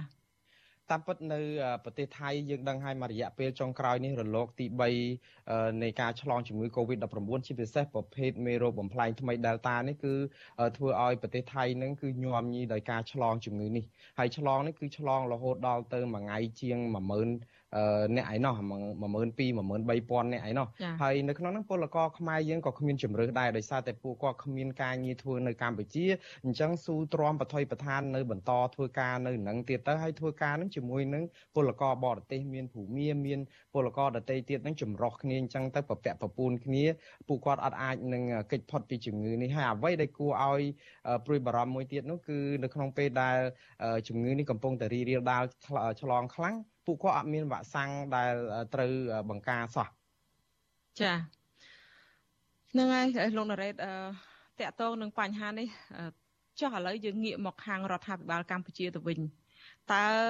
វ៉ាក់សាំងដែលយើងមានច្រើនសន្ធឹកដែលយើងដឹងហើយថានៅប្រទេសកម្ពុជានឹងការចាក់វ៉ាក់សាំងនឹងចាក់បានច្រើនមែនតែនហើយស្ទើរតែទាំងស្រុងហើយ តើអាចមានលទ្ធភាពឬក៏អាចទៅរួចទេអាចជួយពួកគាត់បានទេមើលទៅចាស់ខាងពលករចាស់បាទនេះគឺជាសំណួរសំខាន់ណាស់កន្លងមកយើងឮសូរប្រជាពលករខ្មែរយើងនឹងស្រែកដង្ហើយកុំថាឡាយដល់ទៅវ៉ាក់សាំងសូម្បីតែមីកញ្ចប់ដើម្បីឲ្យទទួលទានឲ្យបានរួចមួយគ្រាមួយគ្រានឹងក៏ពិបាកផងហើយនឹងពិបាកតាក់ទងមន្ត្រីទូតដែលនឹងផ្ដល់ជំនួយទាំងអស់នោះទៅឲ្យពួកគាត់ណាព្រោះបើយើងគិតទៅវាក៏ជាការដែលធំធេងមួយដែរសម្រាប់គ្រប់គ្រងណាដោយសារតែពលករខ្មែរនៅថៃនឹងមានដល់ដល់ប្រមាណ72លាននាក់ឯណោះដូច្នេះច្រើនសន្ធឹកដែរហើយវ៉ាក់សាំងដែលកម្ពុជាទទួលបានហ្នឹងមែនតើទៅគឺយើងចាក់បានតែឲ្យប្រជាពលរដ្ឋខ្លួនឯងទេมันមានសេចក្តីរាយការណ៍ណាមួយដែលថារដ្ឋាភិបាលខ្មែរហ្នឹងដិតដៃដុតជើងដើម្បីយកវ៉ាក់សាំងហ្នឹងទៅសម្រួលឬក៏ចាក់ឲ្យប្រជាពលរដ្ឋខ្មែរដែលជាពលករចំណាក់ស្រុកនៅឯប្រទេសថៃនឹងទេយើងនៅខ្មែរវាមានភ័ព្វសំណាងចេះទៅវិញវ៉ាក់សាំងចាក់បាន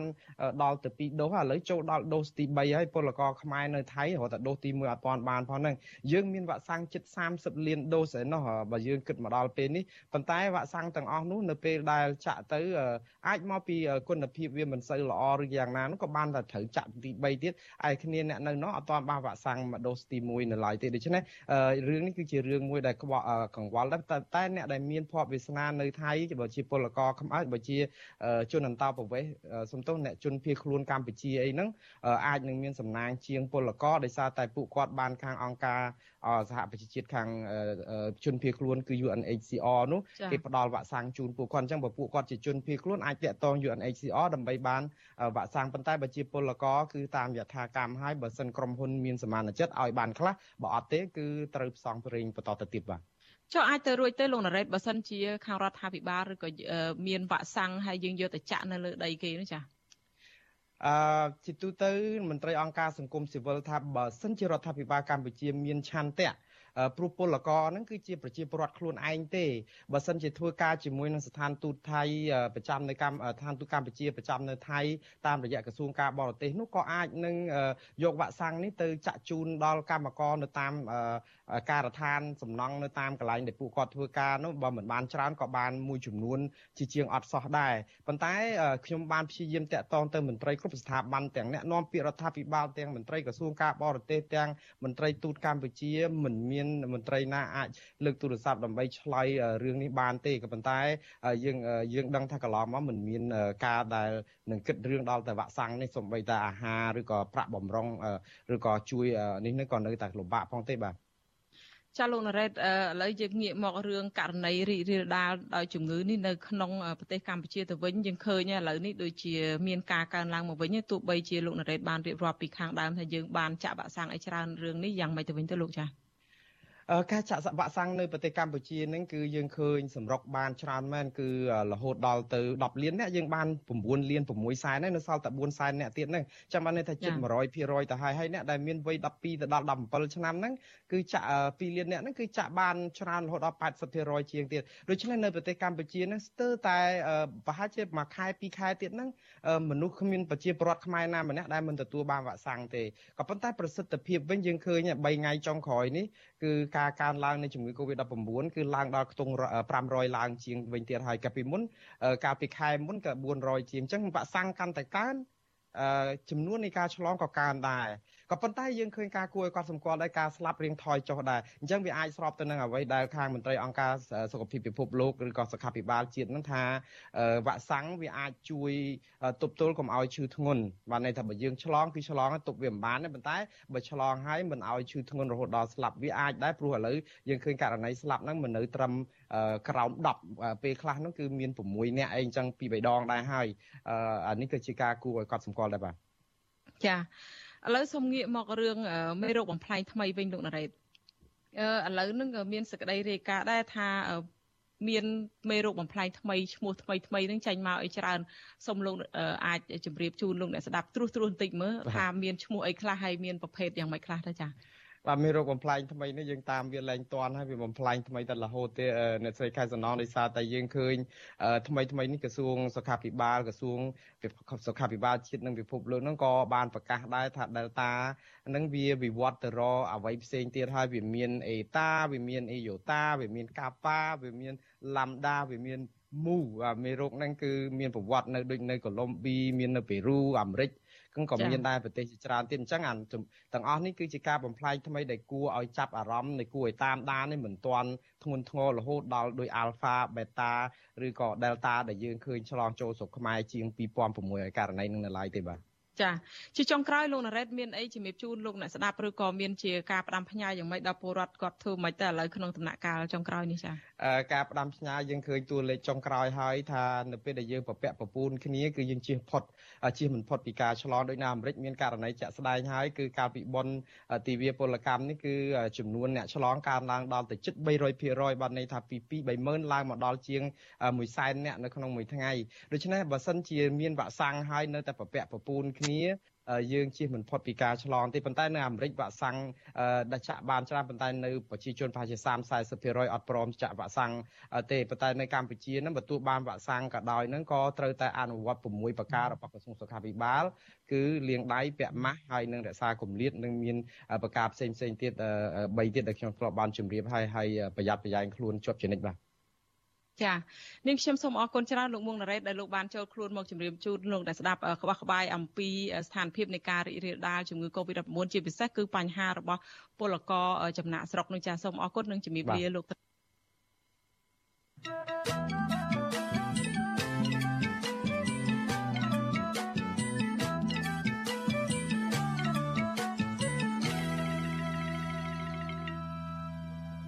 ចាលោករនាងកញ្ញាប្រិយមិត្តអ្នកស្ដាប់ជាទីមេត្រីចាពលករចំណាក់ស្រុករាប់ពាន់គ្រួសារបានសម្រុកទៅជួលដីយ៉ាងច្រើនសន្ធឹកសន្ធាប់ពីអាជ្ញាធរនៃខេត្តព្រះវិហារដែលក្រុមហ៊ុនស្ករអំពៅចិនហេងហ្វូផ្អាកដំណើរការសង្វាក់ផលិតកម្មតាំងពីឆ្នាំ2019 ពលរដ្ឋទាំងនោះបានជួលដីពីអាជ្ញាធរខេត្តព្រះវិហារក្នុងមួយហិកតាតម្លៃចន្លោះពី100ដុល្លារទៅ150ដុល្លារតាមទីតាំងដីជាក់ស្ដែងចំណែកជនជាដើមភាគតិចគួយដែលមានចំនួនដីធ្លីជាមួយក្រុមហ៊ុនចិនបានចាត់ទុកបញ្ហានេះថាជាការខុបខិតគ្នាជាប្រព័ន្ធរវាងក្រុមហ៊ុនចិននិងអាជ្ញាធរនៃខេត្តព្រះវិហារចាសសូមអញ្ជើញលោកនាងស្ដាប់សេចក្តីរាយការណ៍របស់អ្នកស្រីសុជីវីពលរដ្ឋចំណាក់ស្រុកទាំងនោះរស់នៅខេត្តកំពង់ចាម កំពង់ឆ្នាំងបាត់ដំបង និងខេត្តព្រៃវែង ឲ្យដឹងកាលពីថ្ងៃទី3ខែកញ្ញាថាពួកគាត់ទើបតែសម្រេចចិត្តជួលដីដែលរដ្ឋាភិបាលវិនិយោគទៅឲ្យក្រុមហ៊ុនស្ករអំពើចិនហេងហ្វូដោយសារតែដីនៅតំបន់នោះ មានជីជាតិធំទូលាយហើយអាចបង្កបង្កើនផលបានទិន្នផលខ្ពស់ពួកគាត់ភ័យច្រើន ធ្វើស្រូវនិងដំឡូងមីហើយទើបតែដាំដុះនៅឆ្នាំ2021នេះពលរដ្ឋម្នាក់មកជួលដីក្រុមហ៊ុនចិនលោកសាន់វិបុលមានប្រសាសន៍ថា លោកបានជួលដី30ហិកតាពីអាជ្ញាធរខេត្តព្រះវិហារដើម្បីដាំដុះក្នុងបរិវេណក្រុមហ៊ុនសម្បទានសេដ្ឋកិច្ចហេងហ្វូហើយដីដែលលោកជួលនោះស្ថិតនៅក្នុងស្រុកឆែបលោកបញ្ជាក់ថាមូលហេតុដែលលោកជួលដីទាំងនោះដោយសារតែគ្រួសាររបស់លោកពុំមានដីស្រែបង្កបង្កើនផលលោកសង្កេតឃើញថាពលរដ្ឋនៅក្នុងមូលដ្ឋានភៀកច្រើនមិនបានជួលដីដែលកំពុងមានចំនួននោះទេ គឺភៀកច្រើនជាពលរដ្ឋចំណាក់ស្រុក រស់នៅខេត្តឆ្ងាយឆ្ងាយលោកបន្តទៀតថាការជួលដីនេះអាជ្ញាធរមូលដ្ឋានមិនមានលក្ខខណ្ឌសំញាំច្រើនទេ គឺធ្វើតែលិខិតបង់ប្រាក់ទៅតាមទំហំដីដែលពលរដ្ឋបានជួល។ ទោះជាចង់ជួលគេធ្វើតម្លៃទៀតគេមិនអោយធ្វើបាទតែពេលអ្នកណាដែលគេមានលុយដែលយកមកពីបាត់ដំបងកំពង់ធំគេមានលុយគេយកចង្កាគេយក100ហាត់200ហាត់អញ្ចឹងគេយក35ម៉ឺនចាគេទៅដាក់ឲ្យអ្នកផ្សេងតម្លៃ50ម៉ឺននេះទៅតែដល់ពេលអញ្ចឹងយើងអត់លុយអ្នកស្រុកអ្នកភូមិនេះអត់ធ្វើដែរឆ្នាំដំបូងហ្នឹងខ្ញុំជួលពីគេមហាត់តែ20ម៉ឺន20ម៉ឺនជួលពីចិនហ្នឹងមហាត់20ម៉ឺនចាយើងធ្វើ5ហាត់អីឲ្យវា20ម៉ឺនក៏វាអត់ររឿងផងពលរដ្ឋម្នាក់ដែលធ្វើការជាកម្មករឲ្យក្រុមហ៊ុនចិន សុំមិនបញ្ចេញឈ្មោះរៀបរាប់ថាពលរដ្ឋទាំងនោះបានសម្រុកទៅជួលដីនៅក្នុងតំបន់ការដ្ឋានក្រុមហ៊ុនចិន និងតំបន់អាគារ4ជាន់ស្ថិតនៅក្នុងភូមិប្រាក្អកស្រុកឆែបនៅរដូវវស្សានៅក្នុងឆ្នាំ2021នេះលោកអះអាងទៀតថាពលរដ្ឋចំណាក់ស្រុកទាំងនោះត្រូវឆ្លងកាត់អភិបាលរងខេត្តព្រះវិហារលោកមុតភិសិទ្ធនីដើម្បីបង់ថ្លៃប្រាក់ជួលដី និងមានការចរចាតថ្លៃជាមួយជនជាតិចិនដែលមានលោកសៀវឈិនជាអ្នកបកប្រែ លោកពន្យល់ថាពលរដ្ឋដែលមកជួលដីទាំងនោះត្រូវបានអភិបាលរងស្រុកឆែបលោកអ៊ុំសុភឿនកាងការពារជៀសវាងប៉ះទង្គិចជាមួយនឹងក្រុមជនជាតិដើមភាគតិចគួយ ដែលមានទំនាស់ដីធ្លីជាមួយនឹងក្រុមហ៊ុនហេងហ្វូចិនលោកបញ្ជាក់ទៀតថាដីដែលអាជ្ញាធរនិងជនជាតិចិនជួលឲ្យពលរដ្ឋនៅក្នុង1ហិកតានោះមានតម្លៃចន្លោះពី40ម៉ឺនរៀលទៅ60ម៉ឺនរៀលទៅតាមតំបន់ដីមានទីតាំងជាប់ផ្លូវនិងឆ្ងាយពីផ្លូវ គឺថ្លៃជាងតម្លៃដែលរដ្ឋជួលឲ្យក្រុមហ៊ុនចិននៅក្នុង1ហិកតាតម្លៃ5ដុល្លារតែក្រុមហ៊ុនហ្នឹងវាថ្លៃធនពី3ឆ្នាំទៅហើយជាបរិវត្តហ្នឹងអញ្ចឹងប្រជាពលរដ្ឋគាត់តែអាស្រ័យផលតិចតួចយើងជួបយោទៅយើងជួសំរុំមកថៅថៅទៅណាហ្នឹងហើយនេះលេងយកកបពកវិទ្យុអាស៊ីសេរីមិនអាចសុំការបកស្រាយរឿងនេះពីអភិបាលរងស្រុកឆែបលោកអ៊ុំសុភឿននិងអ្នកនាំពាក្យសាលាខេត្តព្រះវិហារលោកយ៉ងកំហឿងបាននៅឡើយទេ ចាប់តាំងពីថ្ងៃទី1ដល់ថ្ងៃទី3ខែកញ្ញា ព្រោះទូរស័ព្ទហៅចូលតែគ្មានអ្នកទទួលចំណែកអភិបាលរងខេត្តព្រះវិហារលោកមុតភិសិទ្ធនីនិងអ្នកបកប្រែឲ្យក្រុមហ៊ុនចិន លោកសៀវឈិនក៏មិនអាចតាក់ទងបានដែរប៉ុន្តែអភិបាលរងខេត្តព្រះវិហារលោកមុតភិសិទ្ធនីបានប្រាប់ប្រជាសហគមន៍ជនជាតិដើមភាគតិចថាដីដែលរដ្ឋាភិបាលវិនិយោគទៅឲ្យក្រុមហ៊ុនចិនអាជ្ញាធរអាចមានសិទ្ធិជួលដីទាំងនោះទៅឲ្យក្រុមឈ្មួញដើម្បីទទួលបានប្រាក់បង់ពន្ធចូលរដ្ឋ បើទោះបីជាក្រុមហ៊ុនផ្អាកដំណើរការជាង2ឆ្នាំក្តីមន្ត្រីជាន់ខ្ពស់ក្រសួងសេដ្ឋកិច្ចលោកមាសសុកសេនសានធ្លាប់លើកឡើងថារដ្ឋបានយកពន្ធពីដីសម្បត្តិសេដ្ឋកិច្ចក្នុង1ហិកតា5ដុល្លារឬប្រហាក់ប្រហែល20000រៀលរដ្ឋអាចរកចំណូលបានជាមធ្យមប្រមាណ10លានដុល្លារនៅក្នុងមួយឆ្នាំពីដីសម្បត្តិសេដ្ឋកិច្ចទាំងអស់នៅទូទាំងប្រទេស អ្នកនាំពាក្យលោកមាសសុកសេនសានដដែលធ្លាប់លើកឡើងទៀតថារដ្ឋាភិបាលនឹងសាររឿងមើលកិច្ចសន្យាឡើងវិញហើយនៅពេលដែលសេដ្ឋកិច្ចចាប់ផ្ដើមមានភាពនឹងនរឡើងវិញកិច្ចសន្យាមួយចំនួននឹងត្រូវពិចារណាពីលទ្ធភាពដែលអាចបង្កើនចំណូលនិងបង្កើនថ្លៃជួលជាដើមចំណែកជនជាតិដើមគួយដែលមានចំនួនដីធ្លីជាមួយក្រុមហ៊ុនចិនមិនសប្បាយចិត្តចំពោះអាញាធរដែលជួលដីមានចំនួនមួយចំនួនឲ្យបរដ្ឋចំណាក់ស្រុកមកពីខេត្តឆ្ងាយឆ្ងាយដូច្នោះទេ ពួកគេចាត់ទុកទង្វើនេះថាជារឿងមិនសមទំនងខណៈដែលចំនួនដីធ្លីរវាងពលរដ្ឋប្រព័ន្ធគ្រួសារជាមួយនឹងក្រុមហ៊ុនចិននៅមិនទាន់ដោះស្រាយចប់សពគ្រប់នៅឡើយជនជាដើមភាគតិចគួយរស់នៅភូមិគោកឃុំស្អាងស្រុកជ័យសែនលោកស្រីព្រំញ៉េបថ្លែងថាដីចំការរបស់លោកស្រីទំហំ25ហិកតាត្រូវក្រុមហ៊ុនរំលោភយកជិត10ឆ្នាំមកហើយលោកស្រីថាពួកគាត់តែងតែមានអ្នកចូលទៅធ្វើស្រែនិងដាំដំណាំលើដីរបស់ពួកគាត់វិញ ពីព្រោះអ្នកភូមិគ្មានដីធ្លីសម្រាប់បង្កបង្កើនផលចិញ្ចឹមជីវិតឡើយលោកស្រីបន្ថែមថាកន្លងមកលោកស្រីបានចូលទៅដាំដុះនៅក្នុងដីរបស់លោកស្រីខ្លះដែរប៉ុន្តែអាជ្ញាធរមូលដ្ឋាននិងក្រុមឈ្មួញចិនគំរាមកំហែងបំផ្លាញដំណាំរបស់លោកស្រីលោកស្រីថាមកដល់ពេលនេះអាជ្ញាធរនិងក្រុមហ៊ុនចិនហាមមិនឲ្យគ្រួសាររបស់លោកស្រីបង្កបង្កើនផល នៅលើដីរបស់ខ្លួននោះទេ ចាជំរាបខ្ញុំផ្ទាល់តាមតលងទៅខាងចិននោះគាត់មកទាលុយពីខ្ញុំតែខ្ញុំក៏បាននិយាយបកស្រាយទៅគាត់ថាខ្ញុំអត់មានលុយជួលទេព្រោះអីដីនេះខ្ញុំធ្វើដីរបស់បងប្អូនហើយថ្ងៃណាមួយគាត់នឹងមកឈូសឆាយចូលថាជាស្ដីថ្ងៃគាត់មកហើយថ្ងៃមួយនោះទៅមានមេស្រីចិត្តខាងឃើញចិនគាត់ជិះឡានមកមកដល់គាត់បោចតលងខ្ញុំចូលឡើង5 10ម៉ែត្រស្រដៀងគ្នានេះជនជាតិដើមភាគតិចគួយរស់នៅភូមិប្រាក្អកឃុំមលូព្រៃ2ស្រុកឆែប លោកស្រីអៀមហ៊ុនវ័យ50ឆ្នាំរៀបរាប់ទាំងទឹកភ្នែកថាគ្រួសាររបស់លោកស្រីមានដីទំហំ6ហិកតាជីកេដូនតាគ្រប់គ្រងជាច្រើនឆ្នាំមកហើយត្រូវបានក្រុមហ៊ុនស្ករអំពើចិនហេងហ្វូរំលោភឈូសឆាយអស់ទាំងស្រុងកាលពីឆ្នាំ2015ស្ត្រីរូបនេះបន្តថាកន្លងមកលោកស្រីបានចូលទៅធ្វើស្រែនៅលើដីរបស់ខ្លួន ដែលក្រុមហ៊ុនបានរំលោភយកប៉ុន្តែអាជ្ញាធរបានរៀបរៀងនឹងគម្រាមកំហែងមិនឲ្យបង្កបង្កើនផលនោះទេលោកស្រីបន្ថែមថា អ្នកភូមិប្រាក្អកភៀកច្រើនរស់ពឹងផ្អែកលើមុខរបរធ្វើស្រែហើយបើគ្មានដីស្រែពួកគាត់នឹងប្រឈមខ្វះខាតស្បៀងអាហារនៅឆ្នាំក្រោយជាមិនខានខ្ញុំឈឺយូរណាស់តាំងពីក្រុមហ៊ុនចូលមកខ្ញុំឈឺគេយកដីខ្ញុំអស់ខ្ទមខ្ញុំពីរវែង 4គុណនឹង5គេឈូកំតែកំទីអស់ហើយដល់ពេលប្រាប់អញ្ញាធរណាគេអត់ដោះស្រាយប្រាប់អញ្ញាធរណាគេអត់ដោះស្រាយទេតែសម្រាប់តែអញ្ញាធរទេគេអត់ដឹងថាទទួលស្គាល់ថាអីខ្ញុំប្រុសគេមិនចាំអោយខ្ញុំមានជីវិតរស់ជុំវិញរឿងនេះនាយកប្រតិបត្តិអង្គការពន្លកខ្មែរលោកពឹកសុភ័ណ្ឌមានប្រសាសន៍ថាការជួលដីឲ្យពលរដ្ឋចំណូលថ្មីធ្វើឲ្យមានការរំលោភសិទ្ធិពលរដ្ឋមូលដ្ឋានព្រោះដីនៅក្នុងតំបន់ជនជាតិដើមភាគតិច ជាដីដែលពួកគាត់បានស្នើសុំចុះបញ្ជីប្រើប្រាស់សមូហភាពលោកសង្កេតឃើញថាក្រោយពេលក្រុមហ៊ុនបានផ្អាកដំណើរការពលរដ្ឋចំណូលថ្មីតែមកជួលដីដែលមានចំនួននោះជាបន្តបន្ទាប់ហើយក្នុងតំបន់ខ្លះអាជ្ញាធរបានលក់ដីនិងចេញប្លង់កម្មសិទ្ធិឲ្យក្រុមឈ្មួញថែមទៀត ប្រសិនបើរដ្ឋមានគោលការណ៍ច្បាស់លាស់ស្ដីអំពីការបែងចែកដីសម្បត្តិសង្គមគិច្ចអានឹងក៏រដ្ឋអាចធ្វើទៅបានដែរតាមដែលវិធានដែលមានស្រាប់ណាក៏ប៉ុន្តែដីនៅក្នុងតំបន់ជនជាតិដើមភាគតិចគឺជាដីដែលសហគមន៍ជនជាតិដើមភាគតិចបាននឹងកំពុងស្នើសុំចុះបញ្ជីដីសមូហភាពអញ្ចឹងដីហ្នឹងมันអាចទៅពុះទៅជ្រៀកអាជ្ញាធរយកចំណែកនៅក្នុងនឹងបានទេ មន្ត្រីសង្គមស៊ីវិលរូបនេះយល់ថារដ្ឋាភិបាលគួរណាតែដកហូតដីដែលបានសម្បទានទៅឲ្យក្រុមហ៊ុនចិននោះនិងដោះស្រាយចំនួនដីធ្លីជូនប្រជាសហគមន៍ជនជាតិដើមភាគតិចដើម្បីឲ្យពួកគាត់បានចូលទៅធ្វើស្រែចម្ការនៅលើដីរបស់ពួកគាត់ឡើងវិញនាយករងទទួលបន្ទុកផ្នែកឃ្លាំមើលសិទ្ធិមនុស្សនៃអង្គការសិទ្ធិមនុស្សលីកាដូលោកអំសំអាតមានចម្ងល់ថាតើដីសម្បត្តិសេដ្ឋកិច្ចនៅតំបន់នោះគ្រប់គ្រងដោយក្រុមហ៊ុន ឬគ្រប់គ្រងដោយរដ្ឋាភិបាល លោកបន្ថែមថាប្រសិនបើដីនោះគ្រប់គ្រងដោយក្រុមហ៊ុនចិនហើយក្រុមហ៊ុនបានជួលដីសម្បត្តិទាំងនោះទៅឲ្យពលរដ្ឋខ្មែរគឺផ្ទុយពីកិច្ចសន្យាវិនិយោគហើយបើសិនជាក្រុមហ៊ុននឹងមានការអខានឬក៏ខ្សែធនឬក៏អីយ៉ាងម៉េចអាហ្នឹងវាត្រូវតែមានការចរចាឬការផ្ដល់ព័ត៌មានទៅ អាជ្ញាធរមានសមាជិកនេះចុះចុះកិច្ចសន្យានៃការផ្ដល់សម្បត្តិដីសេដ្ឋកិច្ចនឹងវិញដើម្បីឲ្យមានការដំណោះស្រាយថ្មីក្រុមហ៊ុនសម្បត្តិសេដ្ឋកិច្ចហេងហ្វូទទួលបានសិទ្ធិវិនិយោគពីរដ្ឋាភិបាលលើផ្ទៃដីទំហំជាង40000ហិកតាតាំងពីឆ្នាំ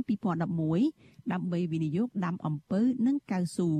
ក្រុមហ៊ុននេះជាក្រុមហ៊ុនមេនិងមានបទសម្ព័ន្ធក្រុមហ៊ុនចំនួន5ផ្សេងទៀតវត្តមានរបស់ក្រុមហ៊ុនចិនហេងហ្វូចាប់តាំងពីឆ្នាំ2011មក ធ្វើឲ្យប៉ះពាល់ទៅដល់ជនជាតិដើមភាគតិចប្រមាណ2000គ្រួសារស្ថិតនៅក្នុងភូមិចំនួន25នៃខេត្តព្រះវិហារ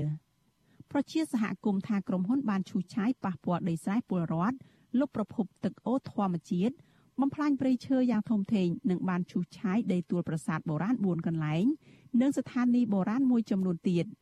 របាយការណ៍របស់អង្គការលីកាដូកាលពីខែមីនាឆ្នាំ2020បង្ហាញថា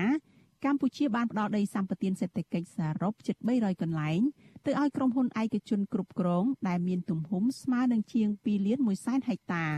ក្នុងនោះក្រុមហ៊ុនរបស់ចិនទទួលបានចំណែកគ្រប់គ្រងដីនៅកម្ពុជាច្រើនជាងគេ គឺប្រមាណ4សែនហិកតាឬស្មើនឹងជាង5ដងនៃផ្ទៃដីរបស់ប្រទេសសង្ហបុរីបច្ចុប្បន្ននាងខ្ញុំសុជីវីវិទ្យុអាស៊ីសេរីពីរដ្ឋធានី Washington ចាលោកនាងកញ្ញាប្រិយមិត្តអ្នកស្ដាប់ជាទីមេត្រីងាកមកសេចក្តីរាយការណ៍ដាច់ដោយឡែកមួយទៀតនេះស្ថានទូតអូស្ត្រាលីប្រចាំកម្ពុជាព្រមានដល់ពលរដ្ឋខ្មែរគួរឲ្យប្រុងប្រយ័ត្នចំពោះក្រុមហ៊ុនណាដែលអះអាងថាគេអាចរៀបចំទឹកតការប្រភេទកសិកម្មអូស្ត្រាលីសម្រាប់ទៅធ្វើការនៅប្រទេសអូស្ត្រាលីសេចក្តីប្រកាសព័ត៌មានរបស់ស្ថានទូតអូស្ត្រាលីប្រចាំកម្ពុជានៅថ្ងៃទី8ខែកញ្ញាបញ្ជាក់ថាបច្ចុប្បន្ននេះរដ្ឋាភិបាលអូស្ត្រាលីនៅមិនទាន់ផ្ដល់ឲ្យកម្ពុជានៅទឹកតការប្រភេទកសិកម្មអូស្ត្រាលី ជាលក្ខណៈទ្វេភាគីនៅឡើយទេរដ្ឋាភិបាលនៃប្រទេសនេះនឹងចរចាជាមួយដៃគូទ្វេភាគីអំពីការរៀបចំទឹកធការប្រភេទនេះដោយចាប់ផ្ដើមពីបណ្ដាប្រទេសមួយចំនួនសិនមុននឹងពង្រីកទៅដល់ប្រទេសជាច្រើនទៀតនៅថ្ងៃខាងមុខ ព័ត៌មានលម្អិតអំពីការរៀបចំដាក់ពាក្យសុំនិងតម្រូវការដើម្បីទទួលបានទឹកធការនិងរៀបនឹងធ្វើឡើងតាមរយៈការពិគ្រោះយោបល់ជាមួយវិស័យកសិកម្មអូស្ត្រាលីក្រសួងកិច្ចការបរទេសនិងពាណិជ្ជកម្មអូស្ត្រាលីជាអ្នកគ្រប់គ្រងទឹកធការនេះ ចំណែកក្រសួងមហាផ្ទៃនិងក្រសួងកសិកម្មអូស្ត្រាលីនឹងផ្ដល់ការគ្រប់គ្រងផ្នែកប្រតិបត្តិការដើម្បីធានាសុចរិតភាពទិដ្ឋាការនិងតម្រូវការផ្នែកវិស័យកសិកម្មនិងឧស្សាហកម្មបឋមនៅក្នុងប្រទេសអូស្ត្រាលីពាក់ព័ន្ធទៅនឹងការរៀបចំទិដ្ឋាការប្រភេទកសិកម្មអូស្ត្រាលីនេះមេធាវីខ្មែរនៅរដ្ឋមែលប៊នចាលោកយុនជាតិមានប្រសាសន៍ប្រាប់ពទ្យុអាស៊ីសេរីនៅមុនការផ្សាយនេះបន្តិចថា លោកមានការប្រួយបារម្ភអំពីនីតិវិធីនៃការជ្រើសរើសពលករខ្មែរនេះប្រសិនបើរដ្ឋាភិបាលអូស្ត្រាលីសម្រេចផ្ដល់ទិដ្ឋាការប្រភេទនេះឲ្យកម្ពុជានាពេលអនាគតលោកបន្តថាលោកបានសរសេរលិខិតទៅឧបនាយករដ្ឋមន្ត្រីនិងរដ្ឋមន្ត្រីអូស្ត្រាលីពាក់ព័ន្ធមួយចំនួនដូចជារដ្ឋមន្ត្រីការបរទេសជាដើមដើម្បីពិនិត្យឲ្យបានច្បាស់លាស់អំពីលក្ខខណ្ឌមួយចំនួនដែលចាំបាច់ធានាសិទ្ធិពលករខ្មែរមុននឹងចុះកិច្ចព្រមព្រៀងណាមួយជាមួយរដ្ឋាភិបាលកម្ពុជា។ មួយទៀតដែលខ្ញុំបារម្ភហ្នឹងប្រទេសអូស្ត្រាលីគឺជាប្រទេសមួយ ដែលគោរពសិទ្ធិមនុស្សហើយប្រជាធិបតេយ្យប៉ុន្តែប្រទេសយើងវាមានបញ្ហាអំពើពុករលួយច្បាប់រំលោភសិទ្ធិមនុស្សហើយប្រព័ន្ធអំពើពុករលួយហ្នឹងក៏ជាកត្តាមួយសំខាន់ដែរតែកិច្ចព្រមព្រៀងហ្នឹងអូស្ត្រាលីត្រូវមើលច្បាប់ទាំងអស់ហ្នឹងពីព្រោះប្រទេសអូស្ត្រាលីគឺជាប្រទេសមួយដែលគោរពសិទ្ធិ ជាធិបតេយ្យត្រឹមត្រូវអញ្ចឹងបើសិនបើគាត់មានកិច្ចចរចាណាមួយរវាងរដ្ឋាភិបាលខ្មែរឬប្រទេសអាស៊ានហ្នឹងគេត្រូវមើលគ្រប់លក្ខខណ្ឌទាំងអស់អញ្ចឹងណាសេចក្តីប្រកាសព័ត៌មានរបស់ស្ថានទូតអូស្ត្រាលីបន្តថាក្រោយបញ្ចប់ការរៀបចំទឹកធការអូស្ត្រាលីនឹងមានបទបញ្ញត្តិតឹងរឹងដើម្បីការពារ ពលពលកររដ្ឋាភិបាលអូស្ត្រាលីបដិញ្ញាធានាថាពលករទាំងអស់មានឱកាសចូលរួមចំណែកដល់សេដ្ឋកិច្ចរបស់អូស្ត្រាលីដោយគ្មានការរើសអើងនឹងកេងប្រវ័ញ្ចនោះឡើយដោយពលករទាំងអស់មានសិទ្ធិនិងកិច្ចការពារដូចគ្នានៅកន្លែងការងារដោយមិនគិតពីសញ្ជាតិឬស្ថានភាពទឹកធការនោះឡើយហើយរដ្ឋាភិបាលអូស្ត្រាលីនឹងបន្តអនុវត្តចំពោះពលករមកធ្វើការនៅប្រទេសនេះក្រោមទឹកធការប្រភេទកសិកម្មអូស្ត្រាលីនេះ។